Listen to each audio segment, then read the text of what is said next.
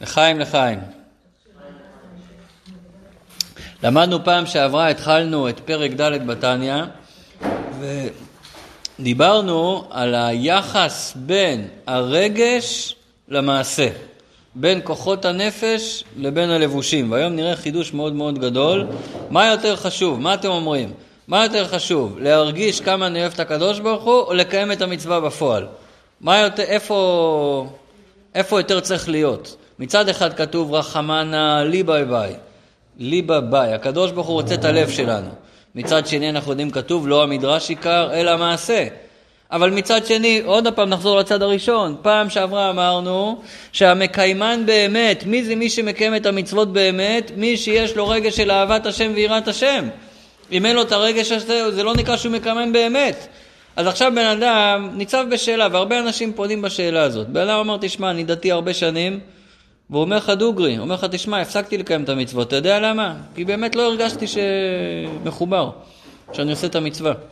ואדרבה, אתה לימדת אותי בתניא שהמקיימן באמת הוא זה שחפץ לדווקא בשם השם ואי אפשר לדווקא בו כי אם בקיום רמ"ח פיקודין שהם רמ"ח איברים דמלכה כביכול שלמדנו פעם שעברה אז ראיתי שכיוון שאין לי את הרגש אז מה אני משתגע כל כך והפסקתי לקיים את המצוות בן אדם אומר את זה ממקום אה, לא מתחמק או משתמט, ממקום אמיתי.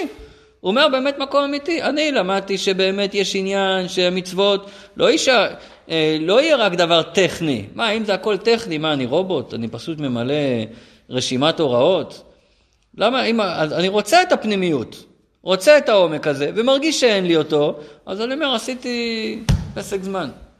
עשיתי הפסקה, בשביל מה? לרוץ כל היום אחרי המעשה בפועל, אם חסר לי את הרגש. ומה אתם אומרים על זה? נכון או לא נכון? העומק של השאלה היא, מה יותר חשוב בסופו של דבר? נכון, יש מעלה בזה שאין בזה, יש מעלה בזה שאין בזה, אבל תכלס מה יותר חשוב? הרגש או המעשה בפועל? כתוב המעשה או עיקר, אבל כתוב גם רחמן עלי בבית, שהקדוש ברוך הוא רוצה את הלב שלנו. אז איפה בסופו של דבר התשובה? התשובה היא שהעיקר תניח תפילין גם אם אין לך כוונה, או תחכה עד שיהיה לך כוונה ואז תניח תפילין. אתה אומר רגש. איך? המעשה מעורר את הרגש, אבל בן אדם אומר לך, ואני אומר לך עכשיו דוגרי, שאנשים אומרים לך את זה, שמע, מניח תפילין כבר 30 שנה, לא התעורר לי הרגש עדיין. אין, אני בא בבוקר הפוך, לא רק שלא מתעורר לי הרגש, מה עכשיו להתחיל להניח תפילין ועושה איזה חצי ישן בחמש וחצי בבוקר, איזה רגש, לא מתעורר רגש. נו, ובאיזה מצווה לא... כשאתה אוכל מצה, אתה מתעורר ברגש אהבת השם כשאתה אוכל את המצה? אתה צריך להסתכל גם, אתה שוקל אותה, שהיא בדיוק 30 גרם, ואתה שם שעון שתאכל אותה בארבע דקות, ואתה צריך לטרוף שתי כזית ביחד, בארבע... אה, אתה מתעורר באהבת השם שאתה עושה את זה? אם הוא לא יעשה את... אז רגע, אז, אבל לפי מה שאת אומרת, באמת, המטרה זה הרגש, רק אני עושה את המעשה כדי לעורר את הרגש. ככה זה מה שאת אומרת, נכון? אני חושבת, כי אם הוא לא יעשה ולא יתעורר לו רגש... אז זאת אומרת, את אומרת המעלה היא ברגש, ולמה צריך את המעשה כדי לעורר את הרגש? ההסתכלות של החסידות היא הפוך. ההסתכלות, ולא רק של החסידות, של היהדות. בדברים האלה, תמיד אדמו"ר הזקן מוכיח את זה מההלכה, מהמעשה בפועל של ההלכה. ואני, זה לא כתוב בתניא, ההוכחה שאני אגיד, אבל אני אגיד אותה בעל פה. מביאים את הדוגמה הזאת הרבה. יושב יהודי שמסר את נפשו על הפצת התורה והיהדות, וכרגע הוא בכלא ברוסיה על זה שהוא מסר את נפשו. ומגיע ערב פסח, ואין לו מצה לאכול בערב פסח. והוא כל כך מצטער על זה, ובוכה מעמקי נפשו, שאין לו את היכולת לקיים את מצוות פסח. אז מה הוא עושה? הוא הכשיר את הסיר הקטן שיש לו, הגעיל אותו, וחימם שם תפוח אדמה, וחתך אותו לחתיכות דקות, והוא אומר לקדוש ברוך הוא, שם שלוש חתיכות אחת על השנייה, והוא אומר לקדוש ברוך הוא, יהי רצון מלפניך שהחתיכות האלה זה יהיה מצות. כמובן הוא לא מברך על אכילת מצה, אבל הוא אוכל את זה ואומר הלוואי שזה יהיה המצות. מצד שני, באותו זמן ממש, יושב יהודי בלוס אנג'לס.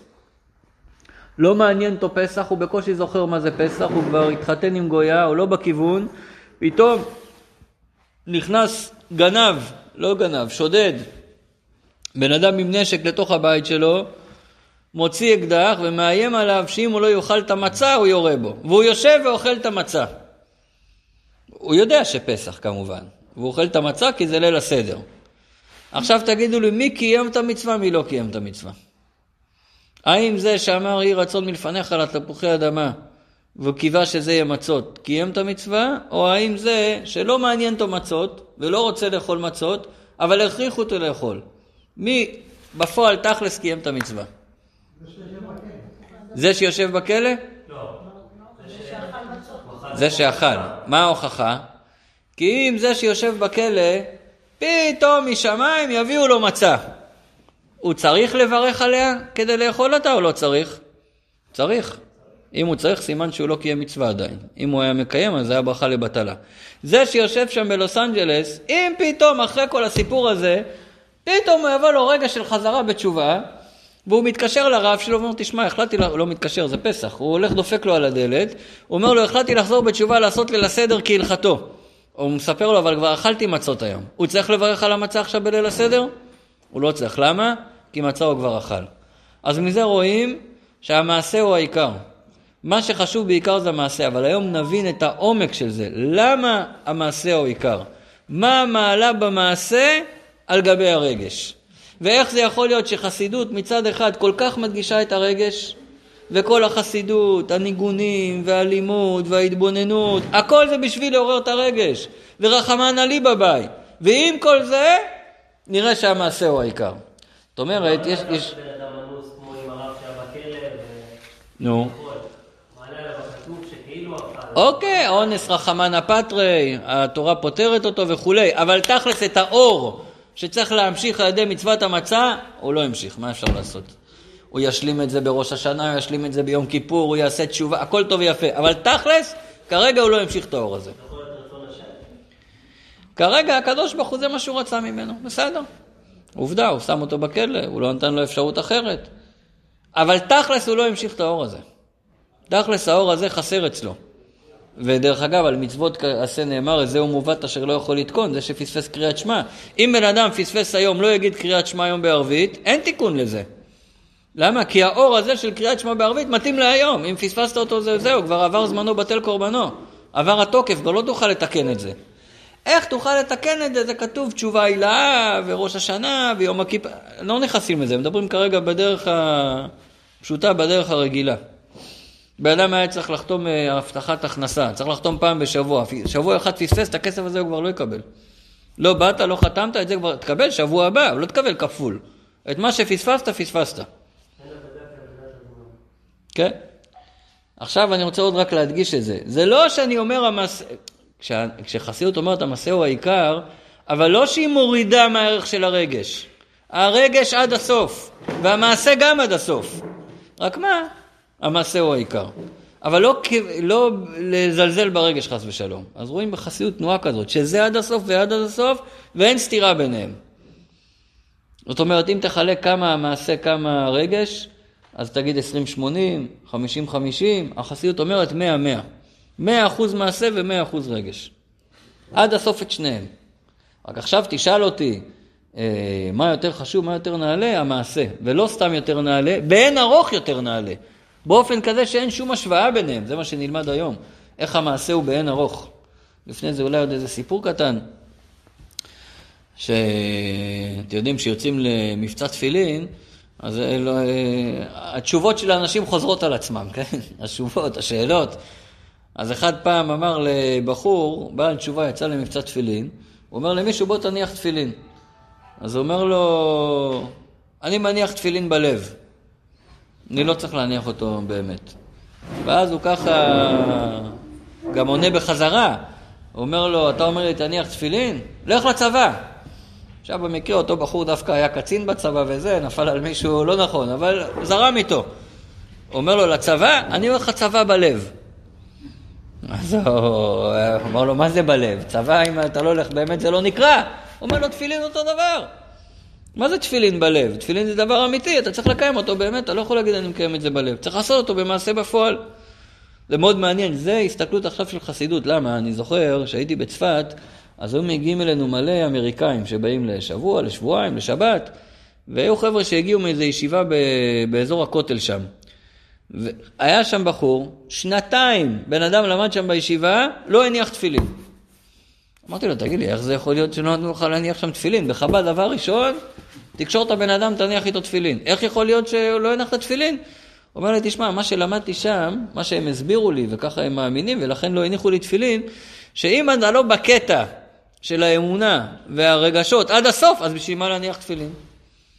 כי אם הרגש זה העיקר והתפילין זה רק אה, לעורר את הרגש, אני לא בקטע עדיין, אז למה להניח תפילין? חסידות אומרת, לא, המעשה הוא העיקר. היום נראה, זה לא סתם המעשה הוא העיקר, יש במעשה מעלה שכל הרגש שבעולם בחיים לא תגיע למעלה הזאת.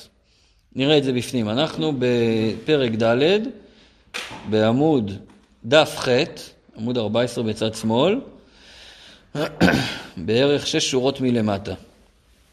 אומר אדמו"ר הזקן כך,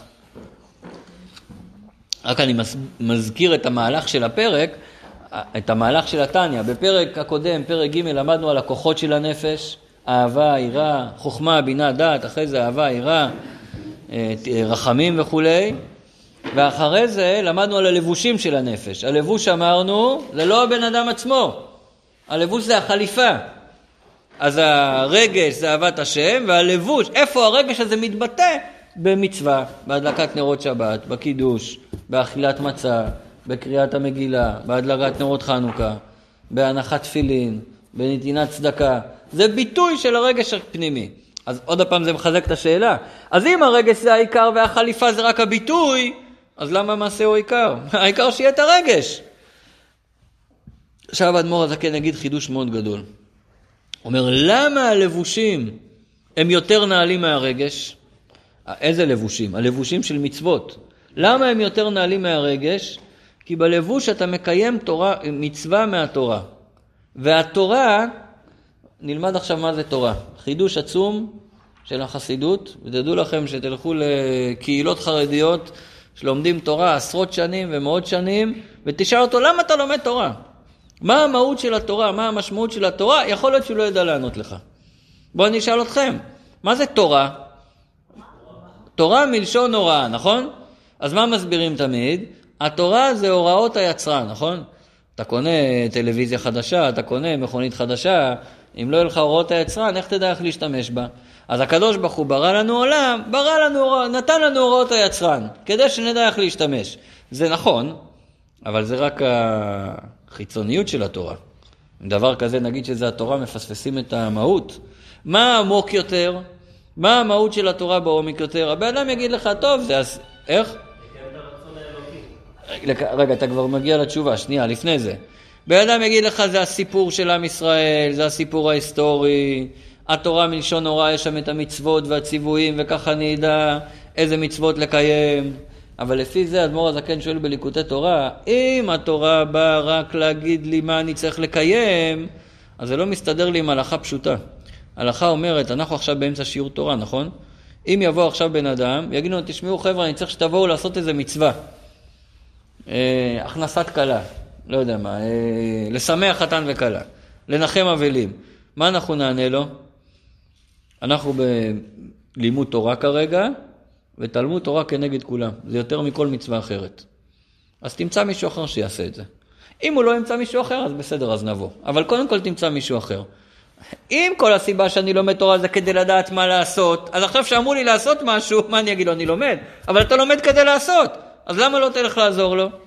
אלא מכאן אתה רואה שיש מעלה בלימוד התורה בפני עצמו, בלי קשר לזה שלימוד התורה מביא אותך לעשייה כלשהי. כי זה מה שאמר קודם אור. אור, מלשון אורייתא. אור בגמטריה רז. מי שמאיר, אה, יודע את הרז, את הסוד, יכול להאיר את הדבר. זה מה שנלמד עכשיו. שהתורה היא חוכמתו ורצונו של הקדוש ברוך הוא. התורה זה לא רק הסיפור שמשה רבנו סיפר לעם ישראל מה קרה עם אברהם אבינו ויצחק ויעקב, ואז אמר מה אנחנו צריכים לעשות מעכשיו. התורה זה החוכמה של הקדוש ברוך הוא, והתורה זה הרצון של הקדוש ברוך הוא. חוכמתו ורצונו של הקדוש ברוך הוא, והקדוש ברוך הוא זה דבר אחד. ממילא אורייתא וקודשא בריחו כול אחד, התורה והקדוש ברוך הוא זה דבר אחד. לכן, שיהודי מקיים מצווה, או שיהודי לומד תורה, הוא והקדוש ברוך הוא נהיה דבר אחד ממש. מה שאין כן, שיהודי יושב עכשיו וחושב כמה אני אוהב את השם, אתה לא אחד עם הקדוש ברוך הוא. הנשמה היא לא אחד עם הקדוש ברוך הוא, כמו שהתורה היא אחד עם הקדוש ברוך הוא. אתה רוצה להיות אחד איתו, זה דווקא על ידי הקיום המעשי של המצוות, המעשי, הדיבורי והמחשבתי, בעיקר המעשי. דווקא שם נמצא החיבור לקדוש ברוך הוא יותר מכל הרגשות, באין ארוך יותר. למה באין ארוך יותר? באין ארוך הכוונה שאין שום השוואה. כי מה שאתה מתקרב אליו על ידי שאתה מרגיש אהבה או מרגיש יראה, זה לפי היכולות המוגבלות שלך להרגיש אהבה ויראה. מה שאתה מתקרב אליו על ידי שאתה מקיים את הציווי שהוא נתן עכשיו להניח תפילין ולשמור שבת, זה הוא שלח לך את החבל הזה מלמעלה שתוכל להתחבר אליו, שם החיבור האמיתי. לכן החיבור במעשה הוא באין ארוך מהחיבור ברגש. זה שהמעשה גם מעורר את הרגש, זה שצריך להתבונן, זה עוד דברים, נכון, זה דברים נוספים. אבל העיקר זה המעשה. יש עוד סיפור יפה על זה, סיפר פעם בהתוועדות אה, הרב לוי פריז, גר בלונדון. אז הוא סיפר שאצלם בלונדון, בראש השנה, אחרי התפילה, לוקחים את השופר ויוצאים למבצע שופר. עושים את זה גם במושב אה, חמד. עוברים בין הבתים, מי שלא שמע שופר, לזכות אותו במצוות שופר. בדרך כלל במקומות גדולים הולכים גם לבית רפואה, הולכים לבית אבות, כי יש שם הרבה שאולי לא שמעו תקיעת שופר. אז הוא הגיע שם לבית אבות עם שופר, והוא רואה שם, ב... לא בבית אבות, לבית רפואה, במחלקה כאילו, בפנימית, לא יודע, באחת המחלקות, והוא רואה שם יהודי עם זקן לבן, חרדי, דמות מוכרת, והוא רואה שהוא שם בראש השנה. והוא שאל את עצמו האם להציע לו לשמוע שופר או לא להציע לו לשמוע שופר. מצד אחד, אם הוא לא שמע, מצוות היום. מצד שני, זה קצת מעליב, כן? אם הבן אדם שמע, בן אדם חרדי, עכשיו אתה תציע לו, זה, זה לא נעים, זה מעליב. טוב, אז הוא התלבט עם עצמו, הוא שמע, לא שמע, נציע, לא נציע, בסוף הציע לו באיזה צורה עדינה כזאת, בטח שמעת כבר, או אולי אתה רוצה לשמוע עוד פעם, כאילו, מצא איזה דרך להציע לו בלי להעליב אותו, ומסתבר שהוא לא שמע תקיעת שופר. והוא תקע לו בשופר. אחרי שבועיים הוא חוזר עוד הפעם, סוכות, עם הלולב. ועוד הפעם הוא רואה אותו שם, ועוד הפעם הוא מתלבט, והוא מציע לו, וגם לולב הוא לא נטל. והוא גם נטל לו את הלולב. טוב, עברו כמה שבועות והבן אדם הזה לא עלינו נפטר. והוא הגיע לנחם את הבנים שלו בשבעה. כולם חרדים, יראי שמיים. הוא מגיע וכולם שמחו, הנה החבדניק, הוא זיכה את אבא לשמוע שופר פעם אחרונה, הוא זיכה את אבא לשמוע, אה, ליטול לולב פעם אחרונה, ועשו לו כבוד וכולי וכולי. טוב, בסוף הוא בתור חבדניק לא יכל להתאפק, הוא אומר להם, תגידו, אני לא מבין, איך זה שאני הייתי צריך ללכת לזכות את אבא שלכם בשופר? איך אתם לא הלכתם? איך אתם לא תקעתם בשופר לאבא שלכם? טוב, הם היו מאוד נבוכים ולא היה להם מה לענות, והוא יצא משם. בדרך הוא נסע טרמפ עם מישהו שבקיא מאוד בהלכה, רב מאוד גדול, לא חב"דניק, אבל מאוד חשוב, מאוד בקיא בהלכה. והוא אומר לו, תגיד לי, איך אתה מסביר את זה? שאני הייתי צריך ללכת לתקוע להם בשופר, והם לא עשו את זה בשביל אבא שלהם. אז הוא התחיל להגיד לו, מה אתה חושב שאנחנו חב"דניקים? מה, יוצאים עכשיו לטיול באמצע ראש השנה עם השופר? יש תפילה ארוכה, יש ניגונים, יש פיוטים, יש סעודה, לא היה זמן להתעסק עם זה. אז אמר לו, רגע, רגע, רגע, אני רוצה לשאול, לשאול אותך עכשיו שאלה הלכתית, לא חסידית, שאלה בהלכה. אם אני גר ביישוב מסוים, וביישוב הזה אין מניין ואין שופר, אבל אני יכול ללכת שעה דרומה למניין שאין בו שופר, או שעה צפונה למקום שאין מניין אבל יש שופר. מה תגיד לי הלכתית, מה אני צריך לעשות בראש השנה? כשהוא שמע את השאלה הזאת, הוא פתאום ככה תפס את הראש, והוא אמר, עכשיו אני מבין מה זה הרבי מלובביץ'. זאת אומרת, יש את החיצוניות, את התפילה, את ההתלהבות, את ה... אבל יש את התכלס. התכלס זה לעשות את המצווה בפועל. לא קיימת, לא קיימת את המצווה. למה? למה זה יותר חשוב מהתפילה וההתרגשות והמניין וההתלהבות? כי זה לבוש של התורה. לבוש של התורה, התחברת עם האינסוף. הנשמה שלך, הרגשת אהבה, הרגשת יראה, כל הכבוד. איך אומרים? כפיים, אבל זה לא חיבור לאינסוף, כמו שיש לך בקיום המצווה בפועל. בואו נקרא את זה בפנים. והנה שלושה לבושים אלו מהתורה ומצוותיה, אף שנקראים לבושים לנפש רוח ונשמה, זה רק לבוש, ולכאורה מה העניין בלבוש? מה, החליפה יותר חשובה מהגוף שלי? מי חשוב, החליפה או הגוף? הגוף זה העיקר, החליפה זה רק לבוש. אז ודאי שלכאורה הרגש, מצד הבן אדם באמת זה ככה, מצד הבן אדם רגש זה דרגה יותר גבוהה ממעשה. אז אם כל זה שהם רק לבושים, גבה וגדלה מעלתם לאין קץ וסוף. תראו מה זה גבה וגדלה מעלתם, לא קצת יותר, לא הרבה יותר, לאין קץ וסוף, אין שום השוואה בין הדרגה הזאת לדרגה הזאת. גבה וגדלה מעלתם לאין קץ וסוף על מעלת נפש רוח ונשמה עצמן. הלבוש של התורה, הקיום המעשי של המצווה הוא הרבה הרבה באין ארוך יותר נעלה מהנשמה עצמה. כמו ש... זה לא בדיוק הנשמה עצמה, זה מהכוחות של הנשמה. כי הנשמה עצמה חלק אלוקה ממעל ממש, אולי אחרי זה קצת נדבר על זה. כמו שכתוב בזוהר, דאורייתא וקודש אבריחו כול אחד. אורייתא זה התורה בארמית. אה, אורייתא זה מלשון לימוד, אבל גם אורייתא, אור, אור. מדברים עליך. אור יתא, מביא אור, התורה מביאה אור. אומר הזוהר, התורה והקדוש ברוך הוא דבר אחד. מה פירוש התורה והקדוש ברוך הוא דבר אחד? פירוש דאורייתא היא חוכמתו ורצונו של הקדוש ברוך הוא. דיברנו על זה פעם. כל התנאים שמתווכחים בגמרא, האם המשנה התכוונה ככה או התכוונה ככה, התנאים במשנה, המוראים בגמרא, כל הוויכוחים שם הם מה רצון השם. מה הקדוש ברוך הוא רוצה, ורצון השם זה יורד מטה מטה. הוא רוצה שכשאני קם בבוקר ונועל את הנעליים, אני אנעל קודם את רגל ימין, או אנעל קודם את רגל שמאל. אני זוכר שכשהתחלתי להתקרב, הייתי בטיול בהודו, אז זה אחד הדברים ששיגעו אותי. היינו עושים, ב... הייתי בא לעזור בבית חב"ד לפני שבת, ולימדו אותי לברור את האורז. למה בוררים את האורז? לראות שאין שם איזה ג'וק, באיזה גודל? כחוט השערה, הרמב"ם כותב. גודל כזה קטן. אז אתה אומר, מה אכפת לקדוש ברוך הוא עכשיו אם יהודי אחד בהודו יאכל את האורז הזה עם הג'וק הזה או בלי הג'וק הזה? מה אכפת לו הדבר הזה? מה זה משנה? אם צדקת מה תיתן לו, אם פשעת מה תחסר בו, הרי זה כזה דבר קטן ביחס לקוסמוס, ליקום, מה אכפת לו עכשיו מהג'וק הזה? ג'וק אחד יותר, ג'וק אחד פחות. אלא מה הוא יגיד? קודם כל אכפת לו. תשובה ראשונה. זה היופי של היהדות. כי אם האמת הייתה נעצרת איפשהו, אכפת לו רק מדברים גדולים, אז זה לא אמת. אם זה אמת, זה חודר עד לרובד הכי נמוך. אבל קודם כל הנקודה היא כזאת, אני עכשיו בורר את האורז כי זה רצון השם, שאני לא אוכל את הג'וק הזה. אלא מה? למה אני הסתכלתי מה אכפת לו מהדבר הקטן הזה?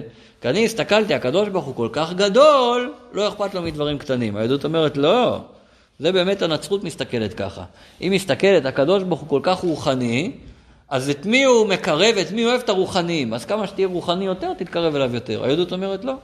הקדוש ברוך הוא לא הכי גדול, וגם לא הכי אינסוף. הקדוש ברוך הוא למעלה מאינסוף אפילו.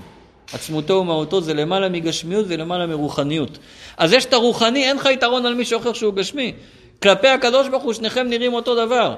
כשאתה עולה ומסתכל אה, ממטוס על כדור הארץ, אז אתה רואה שיש עזריאלי ויש אה, בן אדם. אמנם הם נראים לך אותו דבר, אבל אתה רואה שזה גדול וזה קטן. כשאתה מסתכל מהלוויין, אתה כבר לא רואה הבדלים. הקדוש ברוך הוא כביכול מסתכל מכל כך גבוה, הגשמיות והרוחניות אותו דבר בשבילו. קטן וגדול זה אותו דבר.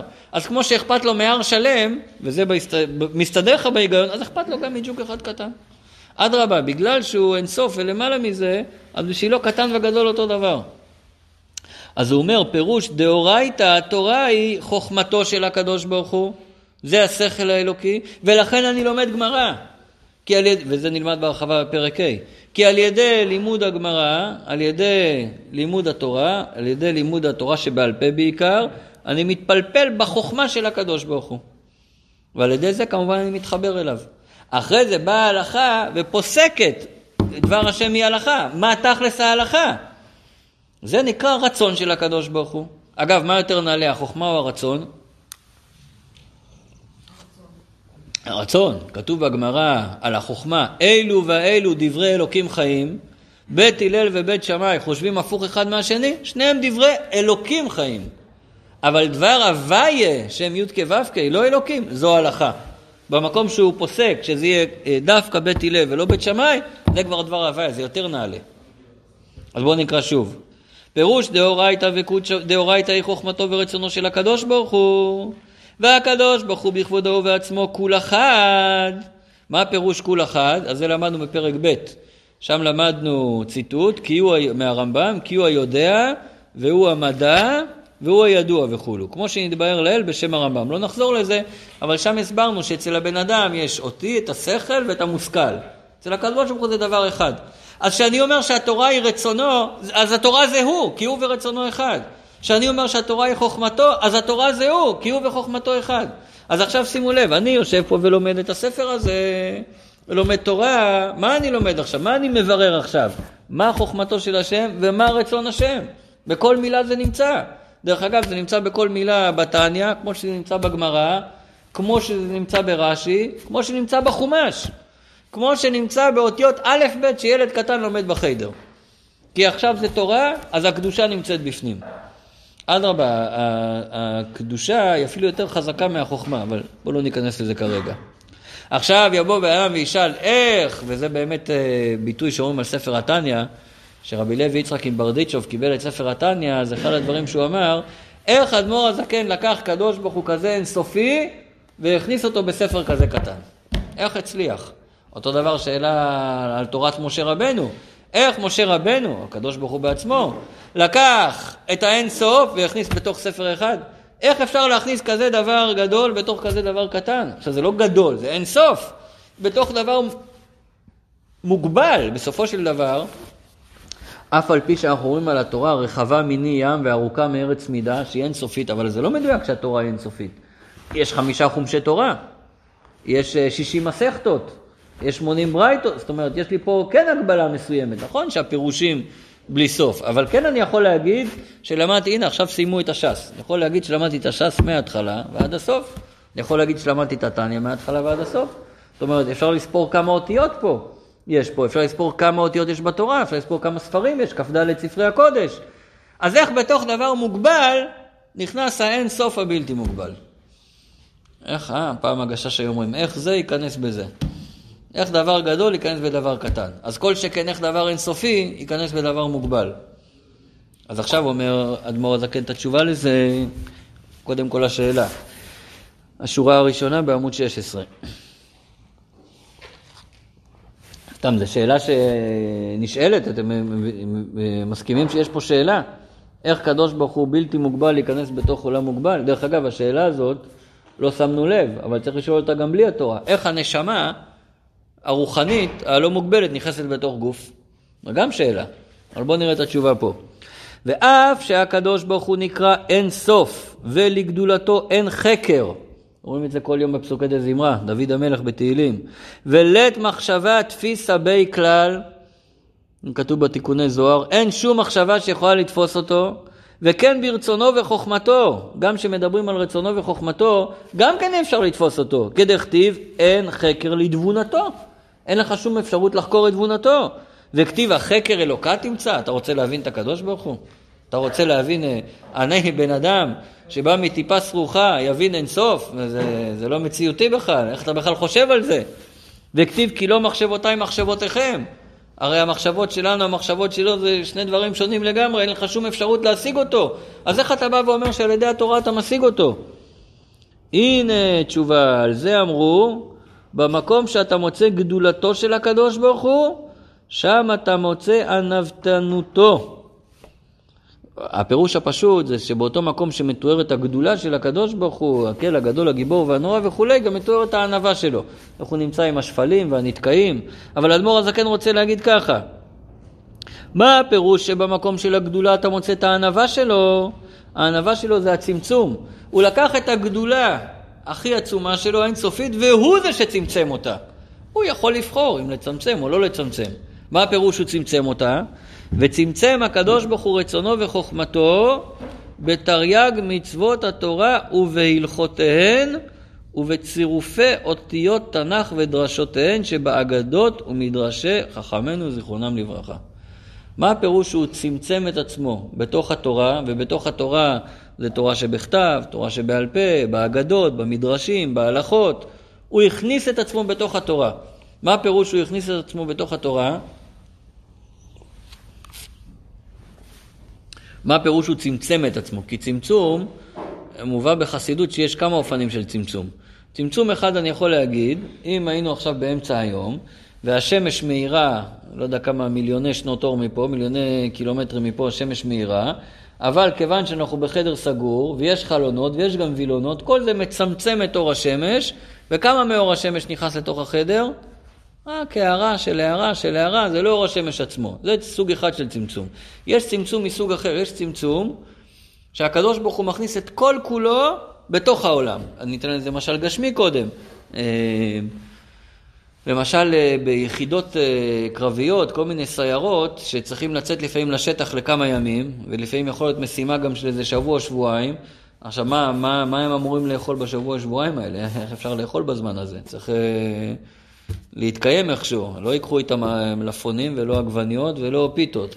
אז יש להם כמו קפסולות כאלה, כמו סוכריות, אה, קפסולות, שבתוך הקפסולה הזאת יכול להיות 2,500 קלוריות. תאכל את זה, הם הכניסו את כל מה שאתה צריך, את כל הוויטמינים וכל מה שאתה צריך, בתוך קפסולה אחת קטנה. אז הצמצום, פה זה צמצום מסוג שונה. זה צמצום שנקרא קיבוץ. הם כאילו לקחו את הכל וקיבצו לתוך הסוכריה הזאת. היום יש לנו את זה מאוד מוחשי עם כל הדיסקונקי וכל המדיה. פעם, הם, הם רצו לצמצם נגיד ספרים, אז יכלו לעשות את זה על מיקרופילם, כן? לצמצם אה, ספר, לעשות אותו קטן, קטן, קטן, לשים על מיקרופילם, תכניס את זה במכונה של המיקרופילם, תוכל לקרוא אותו. היום יכולים לקחת ספרייה ענקית ולהכניס את כל הספרייה הזאת על פלאפון או על כרטיס זיכרון כזה קטן. איך יכול להיות? אז זה לא שהם הכניסו רק חלק מהספרים, או שהכניסו אותם קטנים. הם העלו אותם לממד רוחני, ששם זה לא תופס מקום, ואז אפשר לכווץ את הכל לתוך הכרטיס זיכרון הזה. אז אותו דבר הקדוש ברוך הוא לקח את עצמו, לקח את האין סוף וכיווץ אותו, הכניס אותו איפה? בתוך התורה. ועכשיו כשאתה לומד תורה, אתה תופס את הקדוש ברוך הוא בעצמו. בלימוד תורה את חוכמתו ובקיום המצוות את רצונו. בואו נראה. למה הוא עשה את זה? הקדוש ברוך הוא עשה לנו טובה מאוד גדולה, מתנה מאוד גדולה. הוא הכניס את עצמו בתוך התורה ובתוך התורה הוא הכניס את זה בתוך מדרשים והלכות ואגדות וסיפורים שאני יכול להבין, גם אני עם השכל המצומצם שלי, גם הבן אדם האנושי עם השכל המצומצם, עם שכל אנושי יכול להבין, בכדי שכל הנשמה, רוח ונפש שבגוף האדם תוכל להשיגן בדעתה ולקיימן כל מה שאפשר לקיים מהם במעשה דיבור ומחשבה, ועל ידי זה, מה שלמדנו בתחילת הפרק, תתלבש בכל עשר בחינותיה בשלושה לבושים אלו. זאת אומרת, הבן אדם מוגבל, הקדוש ברוך הוא אינסוף. לכאורה אין שום גשר, אין שום חיבור. איך בן אדם מתחבר לקדוש ברוך הוא? אז כל אחד יחשוב מעצמו, או אולי אני אעשה פעולה כזאת, אולי אני אעזור לאנשים. אז זה הכל מה שאתה חושב. זה לא קשור למה שהקדוש ברוך הוא רוצה. הדרך היחידה שלך להתחבר אליו זה לא בכוח עצמך, כי אתה מוגבל. כמה שלא תהיה חזק, תישאר מוגבל. רק אם הוא ישלשל לך חבלים מלמעלה, שתוכל לתפוס את החבלים האלה ולהתחבר אליו. מה זה החבלים האלה שהוא שלשל לך מלמעלה? זה התורה והמצוות. ועכשיו על ידי, הוא, הוא הוריד את זה למטה בצורה כזאת שתוכל להשיג את זה בשכל שלך ולהבין ולקיים. וכיוון שזה מתלבש בשכל הגיוני, בשכל אנושי, ואתה יכול להבין את זה טוב, ואתה יכול גם, וכיוון שיש שם הוראות שאתה יכול לקיים אותן, אז עכשיו על ידי קיום ההוראות האלה אתה מתחבר אליו.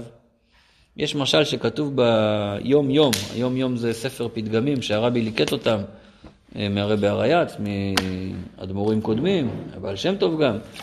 מה אחד הפתגמים שהוא אומר שם? הוא אומר, תיקח בן אדם פשוט ושים אותו ליד איזה פרופסור. אין, אין שום קשר ביניהם. בשביל הפרופסור הבן אדם הפשוט הזה לא קיים בכלל. הוא לא תופס אצלו מציאות, הוא בכלל לא ב... ב... הוא לא בפלנטה שלו בכלל. וגם האדם הפשוט, אם הוא ישמע את הפרופסור הזה מדבר על פיזיקה, זה סינית, זה בכלל לא קיים בשבילו, כביכול אין ביניהם שום קשר. איפה יכול להיווצר קשר?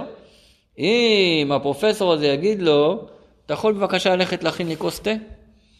אז עכשיו פתאום הוא תופס מציאות אצלו, כי הוא מכין לו את התה. וגם מצד האיש הפשוט, המנקה שם של האוניברסיטה, זה שהוא מכין לו תה, עכשיו הוא מחובר אליו. אז אותו דבר הוא אומר שם, הנמשל מובן, שם הוא לא מפרט. אבל כמובן, שזה פרופסור ובן אדם זה לא כזה הבדל גדול. הבן אדם הפשוט המוגבל לא תופס שום מקום אצל הקדוש ברוך הוא. וגם הקדוש ברוך הוא בחיים שלי, אני יכול לחיות חיים רגילים, שלמים, ואתה רואה שרוב האנשים חיים ככה, בלי לחשוב בכלל שיש קדוש ברוך הוא בעולם. איפה יכול להיווצר חיבור אם הוא יגיד לי, אתה מוכן בבקשה אה, לקשור תפילין כל בוקר? בזה שהוא ביקש ממני בקשה, עכשיו אני תופס אצלו מקום, כי הוא ביקש ממני משהו. בזה שאני מקיים את הבקשה, עכשיו הוא גם תופס אצלי מקום. ועכשיו אנחנו מחוברים. ולכן, נמשלה התורה למים. למה אומרים שהתורה משולה למים? מה יש במים שדומה לתורה? הוא אומר, מה מים יורדים ממקום גבוה למקום נמוך? כך התורה ירדה ממקום כבודה, ש... מה זה מקום כבודה? המקום המקורי שלה, שהיא רצונו וחוכמתו יתברך, ואורייתא וקודשא בריחו כול אחת ולית מחשבה תפי סבי כלל, מהמקום הכי גבוה ירדה, ולאן היא ירדה? ומשם נסעה וירדה בסתר המדרגות, ממדרגה למדרגה בהשתלשלות העולמות. עד, עד איפה היא ירדה? עד שנתלבשה בדברים גשמיים וענייני עולם הזה. מה הפירוש שהתלבשה בדברים גשמיים וענייני עולם הזה? שהם רוב מצוות התורה ככולן והלכותיהן. רוב המצוות מדברים על ענייני עולם הזה. מי שלומד הרבה הלכות, אז רואים מה ההלכות מדברות כל הזמן. אם עוקבים אחרי השיעור הרמב"ם היומי, עכשיו למדנו הלכות שכנים. אם השכן עשה לך ככה, מה תעשה? אם השכן בקומה למעלה ובקומה למטה, ועכשיו ירד גשם והציף את הדירה למטה, מי חייב למי? אם אתה החלטת למכור את החלקה שלך, את הנחלה שלך, אבל השכן מבקש לקנות וגם מישהו, הכל מדבר איתנו על דברים מאוד גשמיים, דברים שמאוד בעולם. למה התורה ירדה לכל, את כל הירידה הזאת? בשביל שאנחנו נוכל להתחבר אליה. בשביל שאנחנו נוכל ללמוד אותה ועל ידי זה לעלות למעלה. מה הכוונה שירדה בסתר המדרגות? איפה כתוב בסתר המדרגות בתורה? שיר השירים. זה צריך להיות אה, לא חב"דניק כדי לדעת את זה. אה, חב"ד, הם לא אומרים שיר השירים בערב שבת. בכל בתי הכנסת בערב שבת אה, אומרים את כל השמונה פרקים של שיר השירים. בחב"ד לא אומרים את זה. אדמו"ר הזקן כתב ספר שלם על שיר השירים, של פירושים. מאוד מחזיקים משיר השירים, אתם רואים, גם פה מצוטט. אבל בפועל אנחנו לא אומרים את זה, ב... יצא שאת זה דווקא לא אומרים. מה הפירוש בסתר המדרגות, כן? איך הולך הפסוק שם? יונתי בחגבי, הסג... בחגבי הסלע. בסתר המדרגות, מה פירוש בסתר המדרגות? אז אה, פעם, איך היו מדרגות? אני גרתי בצפת, היה שם בניינים ישנים, איך היו המדרגות בשיכונים בצפת? שבין מדרגה למדרגה יש חור, שאתה יכול לרדת למטה. היום כבר לא עושים מדרגות כאלה, עושים אותן אה, סגורות מכל הכיוונים, אבל פעם המדרגות היה כאילו קו באלכסון, ורק שמים את המדרגה בלי לסגור אותה. הסתר המדרגות זה שם בפנים. בתוך, איפה שמתחבא שם בפנים. אז פה הוא רוצה להגיד שהתורה ירדה בסתר המדרגות. מה הוא בא להגיד? הוא בא לענות על שאלה שכל אחד מאיתנו יכל לשאול קודם. אם התורה באמת מכילה בתוכה את האינסוף, אז איך זה כשאני לומד את זה אני לא מרגיש את זה? איך זה כשאני לומד הלכות שכנים ברמב"ם, ואחרי זה הוא לומד באוניברסיטה הלכות אה, שכנים לפי דיני המדינה, הוא אומר, הרגשתי אותו דבר. פה הרגשתי שיש חוקים, ופה יש חוקים. אז איפה, לה, אם התורה היא כזאת אינסוף, וזה כזה קדושה, ואורייתא וקודשא בריחו כול אחד, וזה בין ארוך מהעולם, אז איך אני לא מרגיש את הקדושה הזאת? איך אני לא מרגיש את האינסוף הזה? היה צריך להיות שכל מי שרק פותח את הספר יוצא אור מהספר הזה. טוב, באמת כתוב שהבעל שם טוב שהיה פותח את הספר, היה יוצא אור והיה יוצא מלאכים, ובאמת היו מרגישים את זה. ובאמת, דרך אגב, זה לא נכון מה שאמרתי, כשאני לומד תורה אני כן מרגיש שיש כאן קדושה. כשאני לומד טניה, אני מרגיש שהנשמה שלי מתחברת. אבל בכל זאת, זה לא הרגשה כזאת שכל אחד ישר מרגיש אותה. אלא מה? כי התורה ירדה בסתר המדרגות. הקדוש ברוך הוא עשה את זה באופן שהקדושה, האין סוף, מוסתר בתוך התורה, ואתה לא ישר מרגיש אותו. כי באמת, אם ישר היית מרגיש אותו, לא היית מצליח ללמוד. מה הפירוש לא היית, לא היית מצליח ללמוד? זה כמו משל שאומרים, שבן אדם מכין אה, כתר למלך, והוא יודע מי זה המלך, הוא יודע מה זה הכתר, הוא יודע כמה שווה יהלום, ועכשיו נשאר לו רק השלב לשבץ את היהלום הכי גדול בכתר. כיוון שהוא יודע מי זה המלך והוא יודע מה זה היהלום ומה זה הכתר, הוא לא מצליח לעשות את זה. הוא כל כך מתרגש, כל פעם שהוא בא לעשות את זה, הוא לא מצליח לשבץ את היהלום בפנים. אז מה עושה מצב כזה? מביא אחד, איזה סנדלר פשוט, או לא יודע מה, אה, בן אדם פשוט שעובד בשיבוץ יהלומים, ולא מגלה לו מה זה הכתר הזה ומי המלך ולמי זה מיועד, והוא בא ועושה את זה בקלות. הקדוש ברוך הוא רצה שנצליח ללמוד את התורה בקלות, אז בגלל זה אנחנו לא מרגישים בפועל אה, את הכתר ואת המלך ואת היהלום וכולו וכולו, בשביל שנצליח לעשות את זה. אבל על כל פנים, כשבן אדם עכשיו מבין את המשמעות של התורה, כל הגישה שלו ללימוד תורה היא אחרת לגמרי. זה לא שעכשיו אני רק פה, קורא פה רשימת ההוראות כדי שאני אדע מה לעשות בשבת הקרובה. זה לא שעכשיו אני קורא פה סיפורים על יעקב אבינו ועל יוסף הצדיק ועל אה, משה רבנו. עכשיו אני נתפס, מתחבר עם אין סוף ממש. ובצירופי אותיות גשמיות בדיו על הספר 24 ספרים שבתורה נביאים וכתובים. שוב, למה הוא עשה את זה? כדי שתהא כל מחשבה תפיסה בהן, ואפילו בחינת דיבור ומעשה שלמטה ממדרגת מחשבה תפיסה בהן ומתלבשת בהן. לא רק המחשבה שזה דבר רוחני, נתפס בקדושה, באין סוף שבתורה, גם המעשה נתפס בזה. ומאחר שהתורה ומצוותיה מלבישים כל עשר בחינות הנפש, התורה מדברת על כל הבחינות, וכל תרי"ג איבריה מראשה ועד רגלה, שלמדנו פעם שעברה, כתרי"ג מצוות כנגד תרי"ג איברים, כנגד תרי"ג איברי הנפש, ואתה יכול לקיים אה, פחות או יותר, סך הכל את כל המצוות, אז כל כולך מתחבר, הרי כולה, כל הנשמה, צרורה בצרור החיים את השם ממש. זה אחד הפירושים בפסוק, כל הנשמה, תהלליה הללויה. אז אומרים, חז... אה, אז אומרים, מה זה הכוונה כל הנשמה? לא הנשמה, כל הנשמה, כל הנשמה, החוכמה, הבינה, הדת, החסד, הגבורה, התפארת, נצח, הוד, יסוד, כל, כל הנשמה קשורה בקדוש ברוך הוא. איך? על ידי שבן אדם מקיים את כל המצוות עם כל הכוחות שלו. אמרנו פעם שעברה, לפי זה בן אדם ישר צועק, או אם ככה צריך את בית המקדש עכשיו. למה? כי היום אין לי 80, אה, לא רוצה להגיד אחוזים, שני שליש מהמצוות חסר לי. אז זה לא כל הנשמה באמת היום, הרבה חסר. אז ישר אומר, אני רוצה בית המקדש, אני רוצה גאולה. וכל, אה, ואור השם ממש מקיף, מקיפה ומלבישה מראשה ועד רגלה, כמו שכתוב, צורי, אומר אה, דוד המלך, צורי זה הצור שלי, החוסן, מה שאני נשען עליו, צורי יחסה בו, אני חוסה בתוך הקדוש ברוך הוא. למה? כי כשאני מקיים מצווה הוא כביכול מקיף אותי, מחבק אותי. הוא כתיב במקום אחר, גם בתהילים, קצינה רצון תעטרנו. הרצון הוא מקיף את הבן אדם.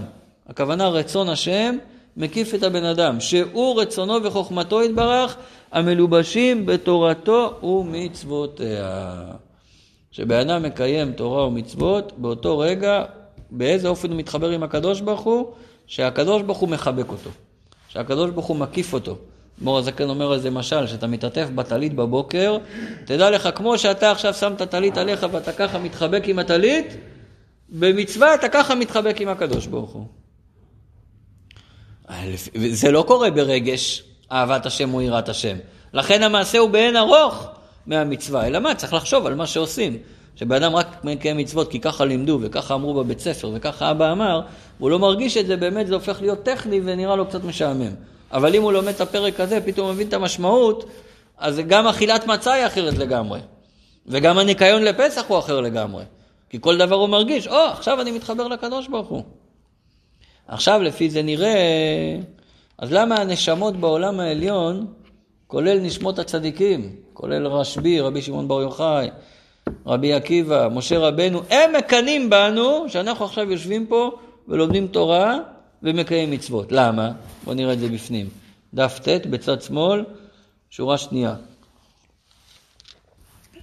כדי לענות על זה, הוא רק מביא שאלה שכתוב ב... בפרקי אבות. מצד אחד כתוב בפרקי אבות, יפה שעה אחת של קורת רוח בעולם הבא, מכל חיי העולם הזה. זאת אומרת, אומרים לך, תשמע, רגע אחד בעולם הבא, יותר מכל התענוגות הכי גדולים שיש בעולם הזה, רגע אחד בעולם הבא שווה יותר. מצד שני כתוב הפוך. יפה שעה אחת בתשובה ומעשים טובים בעולם הזה, מכל חיי העולם הבא. טוב, זה לא בדיוק הפוך, כי פה זה לא תענוג. רגע אחד של מצווה, רגע אחד של תנועה בנפש של תשובה, זה יותר מכל חיי העולם הבא. מה זה יותר מכל חיי העולם הבא? רגע אחד שאנחנו עכשיו לומדים פה תורה, רגע אחד שאנחנו עכשיו עומדים להתפעל פה ערבית, רגע אחד שאתה מברך ברכת המזון, זה יותר מכל התענוג האלוקי שמחכה לך, או שכבר כבר קיים, לצדיקים בגן עדן. זה נשמע הגיוני. יפה שעה אחת בתשובה ומעשים טובים בעולם הזה, מכל חיי העולם הבא. הם שם למעלה מקנאים בנו. מה, מה הפירוש בזה? למה? כי עולם הבא, מה פירוש עולם הבא? עולם הבא הוא שנהנין ממה? מזיו השכינה. אתה לא תופס שם את הקדוש ברוך הוא בעצמו. שם יש רק הערה, שם זה צמצום כמו שאמרתי קודם, שהשמש נכנסת פה לחדר. אז מה אתה תופס פה? 30 מעלות, אבל בשמש יש מיליארדים. אז פה זה, אז בעולם הבא זה רק הערה מהקדוש ברוך הוא. ואי אפשר לשום נברא אפילו מהעליונים להסיק עם איזו הערה מאור השם ולא יותר מזה, ולכן נקרא בשם זיו השכינה, זה רק זיו, רק אור. אבל הקדוש ברוך הוא בכבודו ובעצמו, לית מחשבה תפיסה בכלל, אותו בעצמו אי אפשר לתפוס בכלל. חוץ מאיפה? כי אם כאשר תפיסה ומתלבשת בתורה ומצוותיה, זה היא תפיסה בהן. המקום היחידי שאפשר לתפוס אותו בעצמו זה במצווה. תראו מה קורה פה, זה לא יאומן. כל מה שבעולם הבא, כל העולם היהודי מחכה לעולם הבא. חסידות אומרת הפוך, תחכה לעולם הזה, לא לעולם הבא. פה יותר נעלה. כל מה שמחכה לך בעולם הבא, זה תענוג עצום. זה גם תענוג שהוא בגלוי, הוא לא בהלם והסתר כמו פה, אבל זה רק זיו ממנו. פה ברגע אחד שקיימת מצווה, תפסת את הקדוש ברוך הוא בעצמו. איי, לא הרגשת את זה. בסדר, זו בעיה שלך שלא הרגשת את זה. אבל אם אתה שואל מה יותר נעלה, יפה שעה אחת בתשובה ומעשים טובים בעולם הזה מכל חיי עולם הבא. אה, ומתלבשת בהקדוש ברוך הוא ממש דאורייתא וקודשא בריחו כולה חד. תורה והקדוש ברוך הוא דבר אחד. תפסת את התורה, תפסת אותו. קיימת מצווה, תפסת אותו. אה, אבל פה זה עם לבושים, אמרנו בסתר המדרגה, זה עם לבושים. אומר אדמו"ר הזקן, אין בעיה, אני אסביר לך. ואף שהתורה נתלבשה בדברים תחתונים גשמיים, היא מדברת על חמו, על בעל השור ובעל הפרה, ואם הבעל השור נגח בפרה וכולי, וכל הדברים הגשמיים האלה. בסדר, אז, אז מה הנמשל? הרי זה כמחבק את המלך דרך משל, שאין הפרש במעלת התקרבותו ודבקותו במלך בין ממחבקו כשהוא לבוש לבוש אחד, בין שהוא לבוש כמה לבושים. למה? מאחר שגוף המלך בתוכם. זאת אומרת, אם אני מחבק בן אדם, מלך, שיש בו חליפה וגלימה ולבושים, אז מישהו יגיד, לא, לא חיבקת אותו, חיבקת את החליפה, כי לא נגעת בגוף שלו. אני אגיד, מה זה משנה? אבל כשחיבקתי את החליפה, מי היה בפנים? המלך היה בפנים. אז נכון שפה תפסת את התורה דרך הלבושים, דרך החוקים, דרך המצוות, דרך הפירושים, אבל מי נמצא בפנים? הקדוש ברוך הוא נמצא בפנים. אלא מה, פה באמת יש יתרון בחסידות, כי כיוון שזה פחות אה, מגושם ויותר מופשט, אז באמת בחיבוק פה אתה מרגיש יותר את החיבור לקדוש ברוך הוא. אבל מצד האמת, לא משנה מה למדת בתורה, אמרתי, גם ילד בחדר שלומד א' ב', מצד האמת הוא גם מחובר באותה מידה לקדוש ברוך הוא. וכן, גם בכיוון ההפוך, אם המלך מחבקו בזרועו, המלך תופס אותו. אה, שמאלו תחת לראשי, לראשי או ימינו תחבקני. המלך מחבק אותך, אז, ואם היד שלו הרי לא חשופה, אלא היד שלו עם הגלימה, עם הלבושים, זה לא משנה, מי תופס אותך? הלבוש או היד? היד, רק זה דרך לבושים. וכן אם המלך מחבקו בזרועו, גם שהיא מלובשת תוך מלבושיו, כמו שכתוב, וימינו תחבקני שהיא התורה שניתנה מימין, שהיא בחינת חסד ומים. אז זאת אומרת, לא משנה אה, כרגע מי מחבק את מי, אבל לא משנה אם יש לבושים או אין לבושים. עצם זה שיש חיבוק, הוא נמצא בפנים. אז גם אם אתה מחבק אותו, גם אם מחבק אותך, בפרק הבא נסביר מה ההבדל בין הדרגות האלה, בכל אופן החיבור הוא ישירות עם הקדוש ברוך הוא. נעצור כאן.